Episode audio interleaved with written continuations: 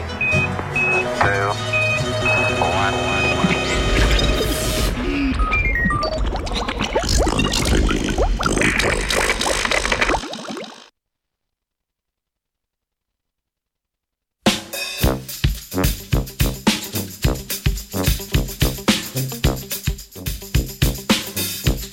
Pom, pom, pom, pom, pom, pom. Dobro jutro na Radio Student, drago poslušalstvo. Uh, za zajtrk pri nas dobite z Britov anti-vexerjev.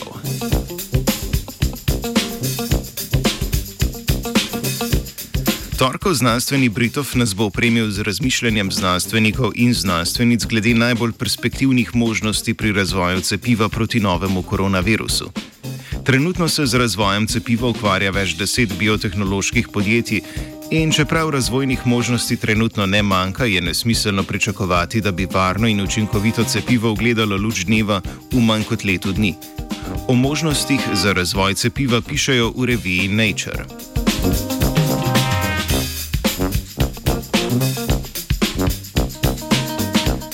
Kljub družnim naporom za zaezitev širjenja novega koronavirusa je razvoj cepiva po mnenju strokovnjakov in strokovnjaki nujen.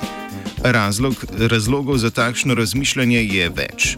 V državah slabše razvito ali nedostopno zdravstveno infrastrukturo naj bi bila zadostna precepljenost edini način zaezitve virusa, v primeru, da samo izolacijski ukrepi za kaj takšnega ne bi zadoščali. Poleg tega bi lahko s cepivom nadzorovali vse potencijalne epidemije virusa v prihodnosti.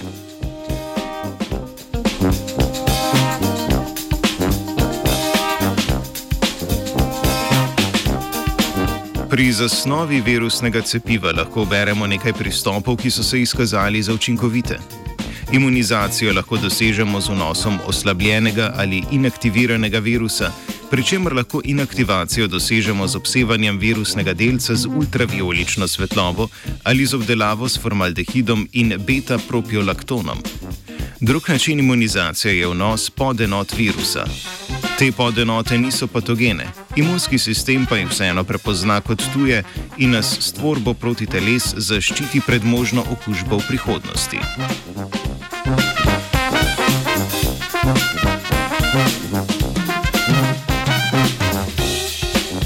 Posamezni virusni delec novega koronavirusa se stoji iz štirih strukturnih proteinov, ki so ključni, da virus preživi.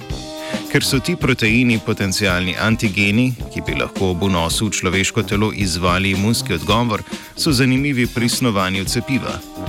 Trenutno je glavna tarča raziskovalnih naporov protein S, ki je odgovoren za vezavo in vstop virusa v gostiteljsko celico.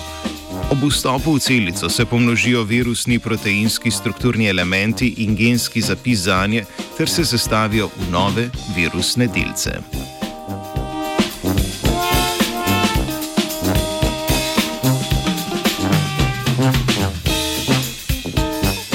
Eden izmed pristopov k izdelavi cepiva, ki je že dosegel prvo fazo kliničnega testiranja, predvideva dostavo genskega zapisa za protein S do človeških celic.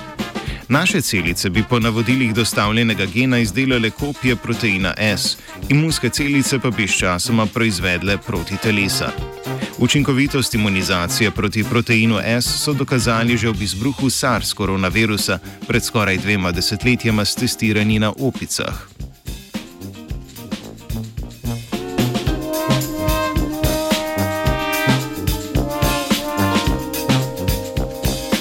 Kljub temu je pomembno, da se hkrati razvija več cepiv za različne tarče in sicer za primer, da eno izmed njih ne bi bilo dovolj varno in učinkovito, ali pa če bi se pojavila odpornost na eno od cepiv.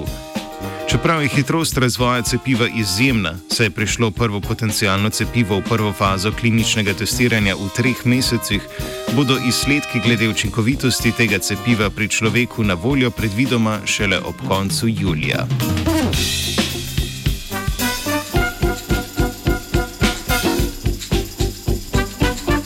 Z anti-vaxxerji bo iz samoizolacije še naprej obračunaval Luka.